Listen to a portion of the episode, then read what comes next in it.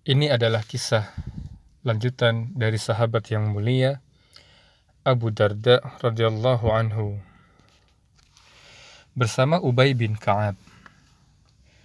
Abu Darda radhiyallahu anhu bercerita, Suatu hari Rasulullah shallallahu alaihi wasallam duduk di atas mimbar. Beliau berkhutbah membacakan ayat. Di sisi beliau ada Ubay bin Ka'ab radhiyallahu anhu. Abu Darda berkata, "Hai Ubay, kapan ayat ini diturunkan?" Namun Ubay tidak menanggapiku. Lalu kutanyakan kembali. Tapi ia juga tidak mau menanggapiku hingga Rasulullah Shallallahu Alaihi Wasallam turun dari mimbar. Barulah Ubay berkata,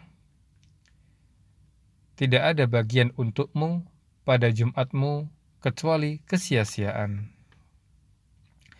Saat Rasulullah usai sholat, aku dekati dan kusampaikan ucapan Ubay tadi. Aku bertanya, Wahai Rasulullah, Anda tadi membaca ayat, dan di sampingmu ada Ubay bin Ka'ab. Kutanyakan kepadanya, kapan ayat ini diturunkan? Namun ia tidak meladeniku.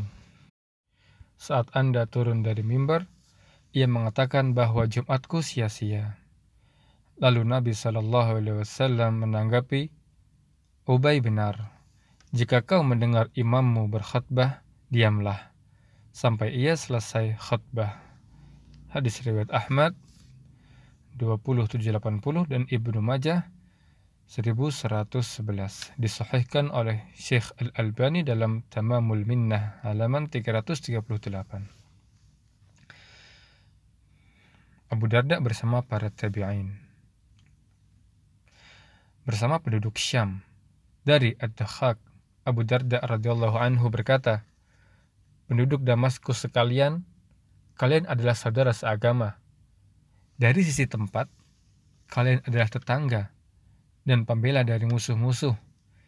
Tidak ada yang menghalangiku untuk mencintai kalian. Hanya saja bebanku adalah selain dari kalian, kulihat ulama-ulama kalian telah wafat sementara yang tidak berilmu di tengah kalian tidak mau belajar. Menurutku, kalian telah menerima sesuatu yang ditanggungkan untuk kalian. Namun kalian meninggalkan apa yang diperintahkan kepada kalian. Ketahuilah sesungguhnya sekelompok orang membangun bangunan yang kokoh, mengumpulkan harta yang banyak, panjang angan-angannya, kemudian bangunan mereka menjadi kuburan. Angan-angan mereka hanyalah tipu daya, harta yang mereka kumpulkan sia-sia. Tidakkah mereka mau belajar sehingga mereka pandai? Karena seorang yang berilmu dan mengaji ilmu mendapatkan pahala yang sama, tidak ada kebaikan pada manusia pada selain itu. Sikap Abu Darda saat penaklukan Cyprus. Jubair bin Nufair berkata, saat Cyprus ditaklukkan, penduduknya dipisah-pisahkan. Mereka saling menangisi. Saat itu kulihat Abu Darda sedang duduk sendiri dan menangis. Aku bertanya, Abu Darda, apa yang membuat Anda menangis? Padahal hari ini Allah memuliakan Islam dan pemeluknya.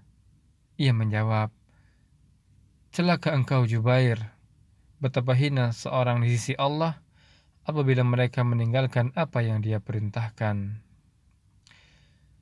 Diriwayatkan Abu Darda menulis surat kepada Salman, Saudaraku, manfaatkanlah masa sehatmu dan waktu luangmu sebelum terjadi musibah yang seorang pun tak mampu menghalanginya.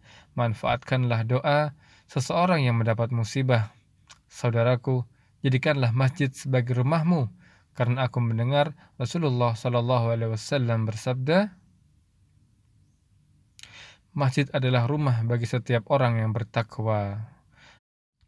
Allah Subhanahu wa taala memberikan jaminan akan mendapat naungan malaikat rahmat dan melewati sirat menuju ridha Allah bagi orang-orang yang menjadikan masjid sebagai rumahnya.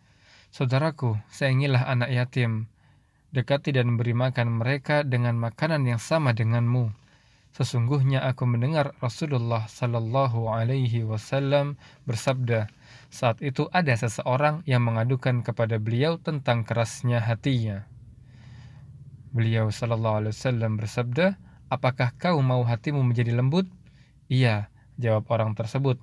Beliau mengatakan, dekatkan dirimu pada anak yatim, usap kepala mereka, beri mereka makan dengan makanan yang sama kualitasnya dengan yang kau makan. Sesungguhnya yang demikian itu akan melembutkan hati dan mewujudkan harapanmu. Saudaraku, jangan engkau terpedaya dengan persahabatanmu dengan Rasulullah Apabila kita hidup panjang sepeninggal beliau demi Allah, kita tak tahu apa yang akan terjadi pada kita.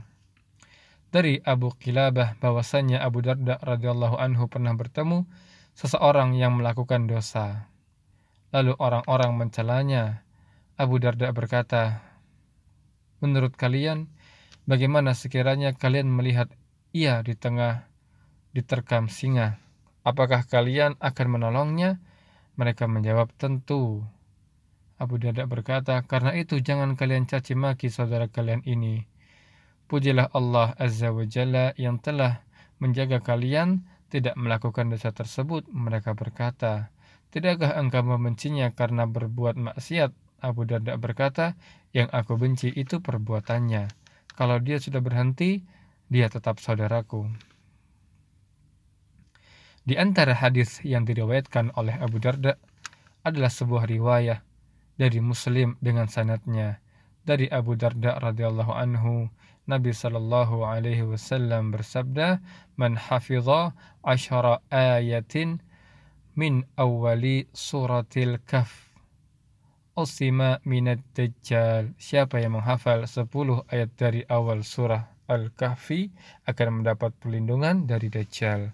Hadis riwayat Muslim nomor 809 diriwayatkan oleh At-Tirmidzi dengan sanatnya dari Abu Darda radhiyallahu anhu Nabi sallallahu alaihi wasallam bersabda Siapa yang diberikan keberuntungan memiliki sifat lemah lembut maka sungguh dia telah diberikan kebaikan Siapa tidak diberikan keberuntungan memiliki sifat lemah lembut dia sungguh telah dihalangi dari kebaikan Sahih dari kitab As-Sahihah. Wasiat-wasiat Abu Darda. Abu Darda radhiyallahu anhu adalah seorang yang bijak.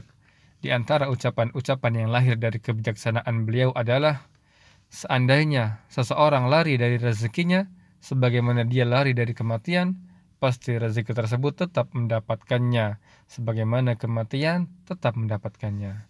Ucapan beliau yang lain Siapa yang banyak ucapannya, maka banyak pula bohongnya. Siapa yang banyak bersumpah, banyak pula dosanya. Siapa yang banyak berdebat, maka tak selamat agamanya. Abu Darda berkata pula, Siapa yang hanya mengenal nikmat Allah hanya pada makanan dan minuman, sungguh sedikit ilmunya, dan adab hadir untuknya. Siapa yang tidak cukup dengan dunia, maka tidak ada dunia baginya. Dari Ummu Darda radhiyallahu anha, ia bercerita tatkala Abu Darda tengah mengalami sakaratul maut, ia berkata, Siapa yang beramal mempersiapkan untuk hari ini? Siapa yang beramal untuk saat-saat seperti ini?